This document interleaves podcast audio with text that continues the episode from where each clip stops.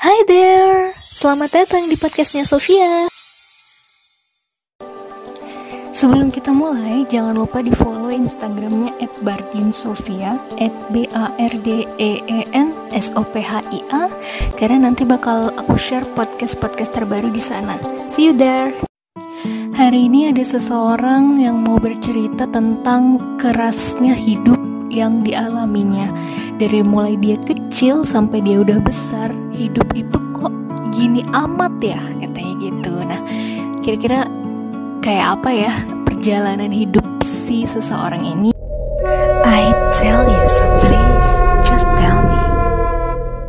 Jadi aku mau cerita waktu kecil itu aku dididik dengan mungkin beda dengan yang lain ya, dengan orang lain rasakan ya. Sejak kecil aku dididik dengan keras. Enggak dari keluarga yang mungkin dari keluarga yang sederhana. Aku kadang main di tetangga itu aku diteriakin.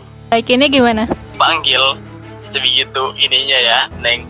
Sampai mungkin dari arah ke rumah lah. Oh, itu iya. suara ibu saya masih kedengaran loh. itu sampai berlanjut saat SMP. Iya, emang nggak dibolehin mainnya tuh kenapa harus ngerjain PR, belajar terus atau ada alasan lain? Mungkin ada sesuatu ingin dari eh, orang tua mau kerjain sesuatu nggak ada yang bantu gitu kan. Hmm, Tapi kan dulu kita masih itu mau pengen sekali bermain. Aku dulu sempat dipukul loh, didik begitu keras. Dan itu mungkin aku juga sama kakak saya dulu. Ah, emang berapa bersaudara? Kan lebam dikit. Lima. Lima. Anak ke? Saya anak kedua. Dulu saya nggak tahu. Dulu saya pernah beranggapan bahwa kok saya kok saya diginikan sekali ya. Semacam saya itu bukan anaknya gitu. Saya pernah berpikir seperti itu.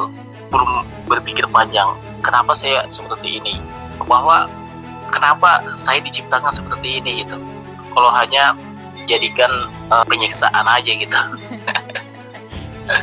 Masa SMA aku udah mulai inilah uh, wawasan saya udah mulai terbuka sedikit demi sedikit Dan aku mulai beranggapan bahwa orang tua saya didik saya seperti itu pasti punya alasan tersendiri aku pilih untuk merantau. Dan saat itu uh, mungkin punya alasan saya merantau jauh dari, dari orang tua. Aku pilih ke Makassar. Emang aslinya dari mana? A? sebenarnya gini aku punya punya nenek di Makassar. Nah, aku tinggal di ini kan Sulawesi Tenggara kan sama orang tua kan. Kan namanya jarang neng. Di sana kan belum tahu tempatnya gimana kan.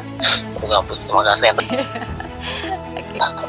tinggal sama tiga nenek di sana Nggak ngekos ya? belum belum aku ngekos pertama bulan deh tiga bulan Aku jalani masa kuliah awal teman-teman yang notabene banyak di ini ya dari ber- berbagai suku ya Hmm. berbagai daerah itu saya banyak belajar karakter mereka masing-masing kan. Hmm. Aku juga bawa bawa pribadi saya di sana juga menjadi se- suatu hal yang mudah harus ikut organisasi kampus. Kenapa memangnya? Nah, tuh betul tuh kenapa tuh?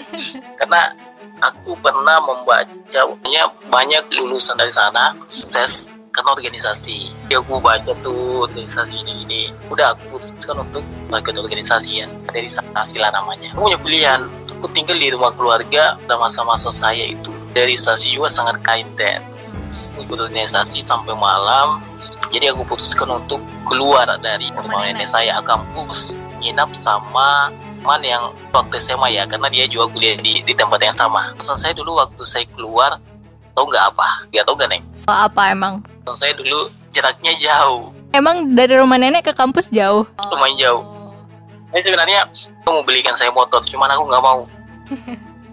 Alibi ya? Alibi. Aku bilang dulu kan aku ngekos sama teman. Kalau ngekos itu kan artinya saya sama teman itu kan untuk ngekos. Saya enggak. Aku simpan barang saya di situ. Oh, jadi A belum ikut patungan bayar di situ? Enggak. aku sering di kampus. Aku sering di kampus kan ada himpunan kan. Hmm. Uh, saya ikuti kegiatan-kegiatan kampus. Terus saya belajar tentang gimana pembentukan karakter saya. Keluarga diajarkan seperti ini. Kemudian aku belajar lagi tentang suatu uh, yang baru di kampus dari mental, karakter, saya gimana gimana ke depannya kan. Mungkin mungkin seperti yang kamu bilang tadi pengeblengan ya. Yuk pernah berpikir dulu kok gini amat ya masuk di kampus ikut organisasi ya Ternyata sama aja gitu ya kurang lebihnya dengan yang di rumah. sama aja iya kuliah pagi neng malamnya itu ah banyak lah sampai malam lagi Aktivitas tuh jalan terus ya. Jalan terus. Kita butuh juga dalam pemasukan kan neng? Aku satu tahun pertama itu aku pikirkan untuk oh, mencari kerja. Karena aku tahu dan tua saya nggak mungkin uh, kan saya lalu uang setiap bulannya kan? Buat tambah-tambahan lah ya. buat tambahan lah. Ada uh, kakak saya gitu yang kuliah juga pada saat itu. Barengan jaraknya nggak jauh. Uh, dua tahun. A kerja apa? ah gini saat itu saya cari kerja. Setelah saya balik dari kampung jaga toko yang sewa sewa alat mendaki. Kan kalau di Makassar itu anak-anak kampus banyak juga yang mendaki kalau di pas weekend kan. Cuman iseng-iseng aja sih pada saat itu. Oh ada yang masang-masang tenda ada sewa alat mendaki. Aku ke sana pas pada saat itu juga aku diterima gajah pada saat itu juga gaji saya 350 Bulan. Ah. Jam kerjanya? Untungnya itu baik hati sih yang saya bilang saya kuliah jadi hanya dari jam 5 sampai jam 10 malam Di after kuliah langsung kerja. kita kuliah langsung ke sana Lumayan gak sih? lumayan sih Kan lah ya. dua ini ya uang makan ya jadi uang makan itu 20 ribu satu hari Oh ada lagi dikasih. ya untuk jalani tiga kuliah organisasi sama kerja Organisasi apa yang dikurangi berarti? lagi kayaknya eh, Kepanitiaan gitu. ya kepanitiaan program kerja mungkin aku kurang efisien juga di situ cuman gini neng. Aku bilang sama teman-teman saya kalau aku kerja. Setelah, setelah aku kerja untuk lagi kampus. Aku nggak mungkin juga setiap malam tidur di kampus kan neng? Sebelum itu aku nomaden. Dalam artian pindah dari satu kosan orang ke kosan orang yang lain gitu. betul. Sampai dulu aku tidur di, di masjid. Tapi barang-barang tetap di kosan temen yang pertama itu. ya di kosan teman. Baju saya berkeliaran di mana pun. Terus aku putuskan untuk di kos kosan ada yang murah. Dapat satu juta per tahun. Per tahun neng Iya, iya, satu juta per tahun. Baiknya juga ibu kosannya itu bisa dicicil ini. Pembayarannya. bayarannya 500 500 oh iya neng waktu saya keluar dari rumah keluarga itu orang tua saya nggak tahu. Aku ngekos. Oh, jadi waktu A memutuskan untuk ngekos tuh keluarga yang di rumah tuh nggak tahu kalau A nggak nggak di rumah nenek lagi gitu. iya nggak tahu. Hmm, neneknya nggak bilang.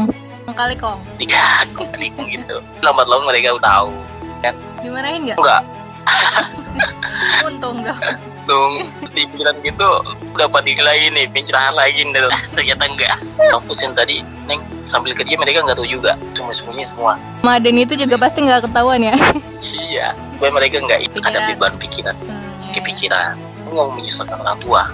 Cukuplah aku dibiayai dari dari waktu SMA lah lanjut ya neng ya. Lanjut. aku aku kuliah dari sampai jam 5 kemudian pergi kerja sampai jam 10 kemudian masuk lagi di kampus. Rapat gitu-gitu lah ya. kerja gitu ya rapat kayak gitu-gitu aku lakuin selama dua tahun. Karena dulu aku dapat jabatan itu himpunan kan? Ini neng pelajaran yang saya dapat gitu. Samping manajemen waktu artinya kita melakukan banyak kerjaan tapi tugas utama kita itu nggak kita apa Baikan. namanya ya kebaikan. Nah, kayak tadi aku punya tanggung jawab besar. Eh, tanggung jawab itu tetap aku laku- lakuin. Tapi kadang memang ada beberapa hal yang di depan kita itu menuntut menuntut kita untuk lakukan yang lain. Paham ya ya? Mm-mm. ya semacam eh, mencari inilah. Jadi kita itu memaksa diri kita untuk ya melakukan out of the box, berpikir out of the box dan keluar dari zona nyaman kita juga ya. betul gitu. Lakukanlah Di luar atas kemampuan kita. ya betul. Di luar batas kemampuan kita. Dilakukan seperti itu. Kata saya itu bentuklah Selama AA menjadi ketua himpunan. Itu kan berarti orang nomor satu di himpunan. Terus AA juga sambil kuliah, sambil kerja. Ada nggak sih kayak konflik-konflik atau ya perselisihan-perselisihan di antara teman-teman organisasi atau teman-teman kuliah misalnya? banyak. Makanya banyak sekali konflik dulu. Itu juga mungkin jadi pembelajaran juga buat buat saya bagaimana kita menghadapi berbagai konflik. Kita bisa melewati itu. Aku bisa lewati semua itu neng. Ketika keputusan itu dengan ya, alhamdulillah baiklah dan banyak dinamika tentunya ya Aku belum belum cerita ya neng ya Kalau belajar gimana ngerjain tugas gitu-gitu gimana stay staynya? aku nggak belajar Wes, anak jenius. serius aku nggak belajar Tapi kok bisa lulus ya?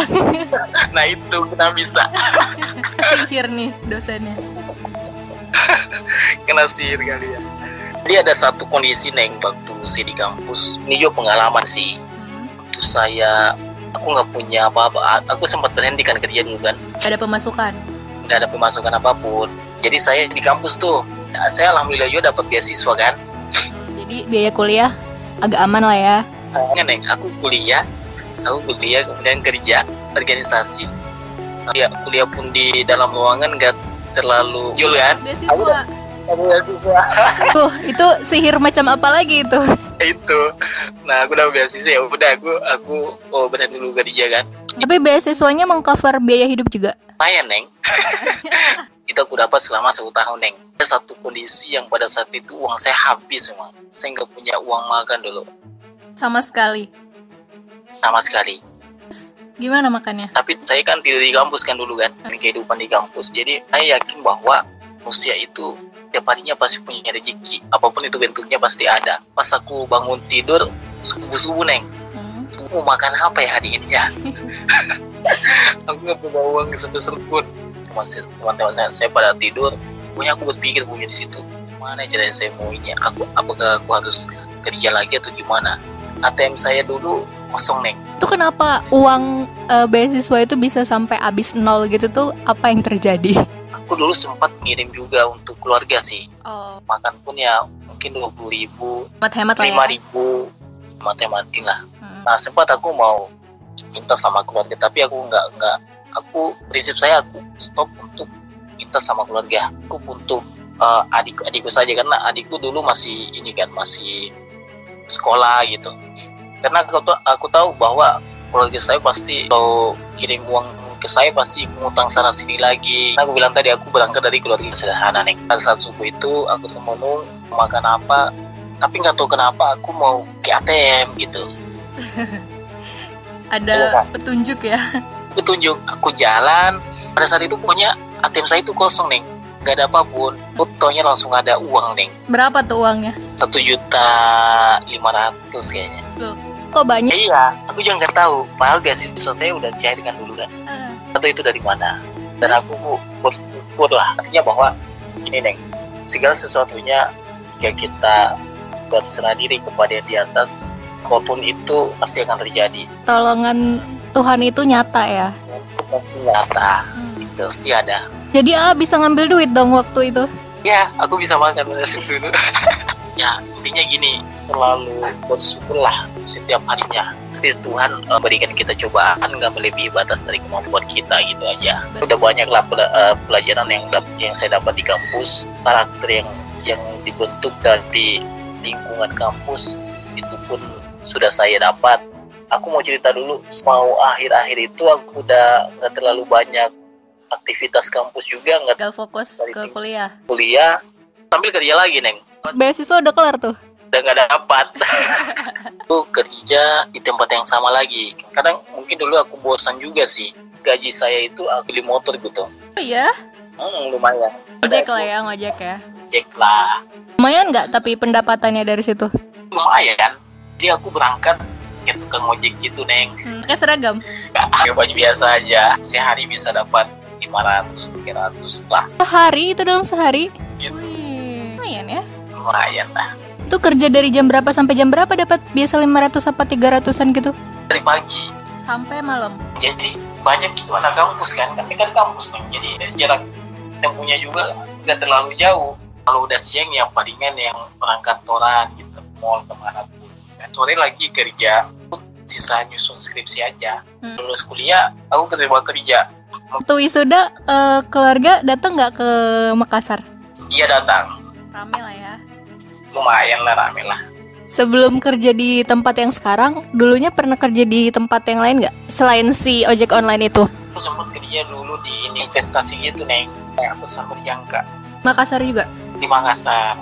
Kemudian saya cari kerjaan kerja sekarang. Saya dulu disuruh kerja Jakarta jadi saya dulu jual motor saya. Oh, yang yang dibeli pakai uang tabungan itu akhirnya dijual juga. ya jual Tuh AA masuk ke lingkungan kerja nih, terus datang ke Jakarta. Itu kan tempat yang baru lagi, ketemu banyak orang-orang baru lagi. Apa tuh yang perbedaannya dengan yang di Makassar? nggak terlalu kaget sih karena kesamaannya waktu saya ke Makassar kan banyak dari luar daerah kan Gak terlalu culture shock lah ya. nggak terlalu kembali lagi saya merantau lagi kan di Jakarta Lebih jauh lagi. lebih jauh lagi pikiran saya dulu kan pasti punya alasan saya apa ditempatkan di sini.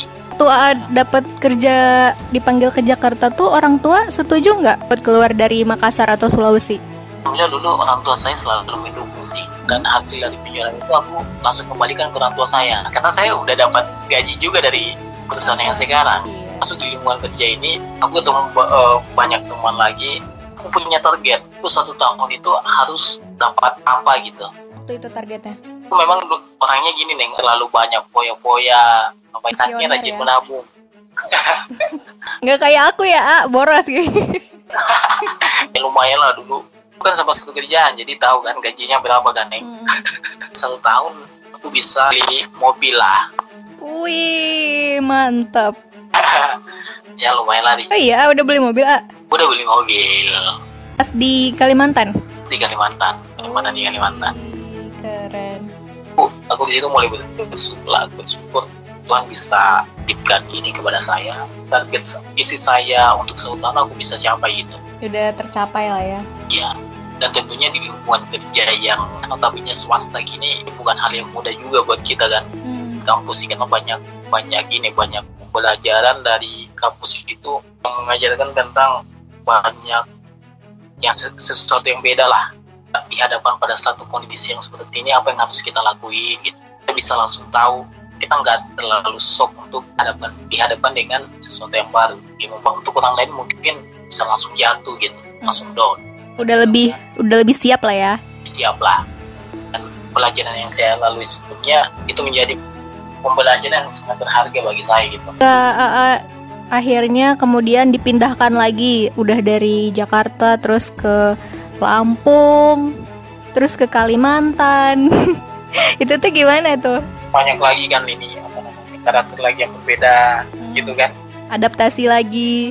Masih lagi tapi itu bukan bukan menjadi penghambat sih. Bilang tadi itu menjadi tantangan yang baru buat saya yang motivasi tersendiri sih untuk bisa melalui semua itu. Udah dilalui saya sangat bersyukur lah intinya setiap harinya itu jangan lupa kita uh, selalu bersyukur lah. Setelah di pekerjaan ini AA udah keliling Indonesia jadinya ya? Ya lumayan lah. Itu yang yang jadi impian juga saya pada saat itu. Itu menjadi ini loh hal gak mungkin dulu bagi saya. Tapi ternyata terwujud ya? Tapi ternyata terwujud. Itu sangat luar biasa lah. Sampai saat ini aku udah di Kalimantan kan? Aku udah lewati empat pulau pulau Jawa pulau Sumatera pulau, pulau Kalimantan ya termasuk Sulawesi ya pulau desa sendiri sisa pulau pulau pulau Papua belum ketika mungkin ini buat teman-teman juga sih Hmm. ketika teman-teman berada di atas zona, zona ini ya di zona ketika teman-teman udah mungkin baru mendapatkan setengah dari apa yang kalian inginkan Hmm. jangan terlalu terlena gitu dengan kehidupan ini kan Hmm. yang penting ada ini ada ada usaha ya kan? Udah bisa belum bahasa atau logat-logat dari Kalimantan? Kamu ngerasa nggak nih logat-logat saya udah udah udah nggak ini? Dulu waktu saya presentasi logat Makassar masih ada kan? Sekarang udah hilang kan? udah agak eh, luntur ya. Indonesia gitu ya. Emang sebelumnya dari mana? Dari barat. Eh, ini neng terbesit di pikiran saya itu. Ini mungkin jadi cobaan juga buat saya aku udah capai semua ini kan? Hmm. belum semua sih masih sebagian. Karir pekerjaan pendidikan istilahnya udah terlewati lah ya. Kita akan ke jenjang lagi selanjutnya kan? Hmm. dalam setahun aku udah bisa beli sesuatu ya. Isi lagi untuk tahun satu tahun ke depan aku udah mau punya apa gitu. Setidaknya aku bisa rumah lah. Itu nggak mudah. Nggak mudah bagi saya neng. Iyalah buat semuanya juga nggak mudah. Karir karir juga nggak mudah. Apa yang bikin gak mudah kemudahnya itu banyak faktor sih faktor X dan Y. ini nih aku udah uh, aku mau curhat ya Ya, curhat lah silakan curhat sebenarnya aku ya ya yang lama nggak pasti ya sebenarnya nggak pasti Iya, intinya gini deh, gini sih. Yang saya dapat, saya sih positif thinking aja ya. Kan belum mengizinkan saya di situ. Ya semua itu kita kembalikan lagi kayak yang di atas lah. Ya Iya. selalu bersyukur lah. Positif thinking aja sih. Jalani aja. Tergantung Allah aja mau kasih waktunya kapan. Betul sekali. Nya AA itu eh, anaknya laki-laki semua. Kenapa orang tuanya sampai dulunya tuh kayak keras gitu? Dulu kan masih mungkin belum ada adikku lah.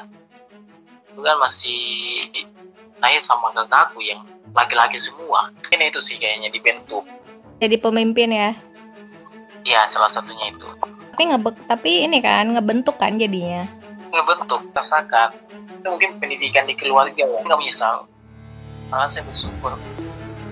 Hmm. Yang menyesalnya dulu itu ya- yang menjadi yang saya bertanya dalam pikiran saya kenapa saya, di- saya itu saya menyesal kenapa saya bertanya seperti itu. Kenapa saya dilahirkan gitu? Hmm, yang, yang menjadi penyesalan sih. Kenapa sempat mikir kayak gitu gitu ya?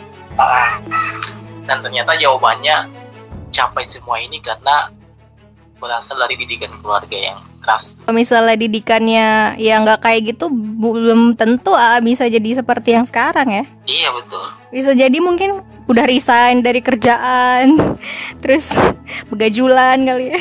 bisa jadi. Ya bisa jadi bisa jadi. Nah, itu sih libatkan setiap aktivitas. Libatkan. Tuhan lah setiap aktivitas. Itu yang yang jangan di- dilupain. Awalnya jadi eh, di ini kerja di toko sewa al- alat-alat naik gunung itu kan, gara-gara kerja di situ kan. Terus gimana ceritanya bisa jadi anak yang naik-naik gunung gitu di kuliahan? kenapa kayak yang waktu kita training tuh bisa baca kompas, tahu alam gitu-gitulah. Itu tuh dulunya gimana waktu kuliah? ini, ini menarik nih Neng pertanyaanmu nih kadang gini eh, ini menjadi pertanyaan sih Neng Hmm. pikiran di, di pikiranku juga karena apa yang saya kerjakan dulu itu akan ter, akan terjadi di masa depan. Saya dulu kerja di tempat alam pendakian ya kan? Nah di situ kita pendakian itu kan pasti ada peralatan-peralatan pendaki lah. Pengenalan produk-produknya lah ya. Oh, tapi itu ternyata ke depannya itu kita dihadapkan lagi sama hal yang itu. Kayak udah dipersiapkan gitu ya. udah dipersiapkan gitu sama Tuhan Jadi bukannya AA dulu emang anak gunung, sering daki gitu-gitu? saya dulu eh, kenal itu pas saya kerja di situ Oh, emang bener-bener pas kerja di situ? ya Nggak ada pengalaman sama sekali sebelumnya? lama sama sekali sebelumnya Hmm. Tuhan Tuhan udah udah persiapkan itu Tunjukin jalannya gitu ya dari beberapa tahun sebelumnya. ya dan seperti yang saya bilang tadi syukurilah setiap harinya ya pasti Tuhan punya alasan sendiri sih Karena semuanya udah digariskan ya buat kita. Iya betul, semua itu udah digariskan di kita. Cuman gi- gimana kita cara menanggapinya aja sih. Kadang orang juga gini, kadang kita udah dikasih ini, kemudian kadang kita mengeluh, ya banyak mengeluhnya. Kita nggak tahu bahwa itu sesuatu yang akan menuntun kita ke depannya gitu. Yang memang udah jadi bagian dari perjalanan kita ya. Nah, intinya jangan mengeluh, jalani aja prosesnya. Tuhan pasti punya alasan. Yakin dan percaya bahwa Tuhan punya alasan kenapa kamu dihadapkan pada hal itu. Mungkin dari cerita saya mungkin yang udah tahu lah gimana kan. Ada sesuatu yang nggak bisa kita rencanakan, ternyata di depannya, ke depannya itu menjadi sesuatu ini, menjadi sesuatu hal berguna dan itu udah dapatkan pada sebelumnya. Sebagai manusia pasti kita punya masalah dong. Apa sih yang menjadi problem-problem yang kadang-kadang mungkin bisa sedikit mengganggu pikiran AA gitu. Misalnya kalau ya kalau kita kan eh, di umur-umur segini ada yang namanya katanya quarter life crisis. Suka ngebandingin hidup dengan pencapaian orang lain, yang kayak gitu-gitu. aku sih aku jujur ya Neng ya Hmm. aku nggak melihat aku nggak banding-bandingkan sih. Cuman aku orang mencapai itu Termotivasi. oh, harus lebih dari itu. Hmm. ya menjadi poin motivasi buat saya sih. Karena mereka bisa capai itu dan saya tidak bisa. Dan bagaimana caranya supaya saya bisa menjadi lebih dari mereka? Tapi CPN seperti saya bilang tadi itu nggak menjadi hal yang mudah. Sangat berat. Jalani Hmm. syukuri aja. Jangka panjang apa sih ya kepengenannya cita-cita yang mau dicapai gitu? cita-cita saya sih depannya aku bisa punya Rumah. malah Jadi setidaknya ke depannya saya ingin membahagiakan juga orang tua saya oke Setiap orang punya pengalaman. Di setiap pengalaman ada pelajaran. Thanks for listening. You can share this podcast if you like it and see you on the next episode.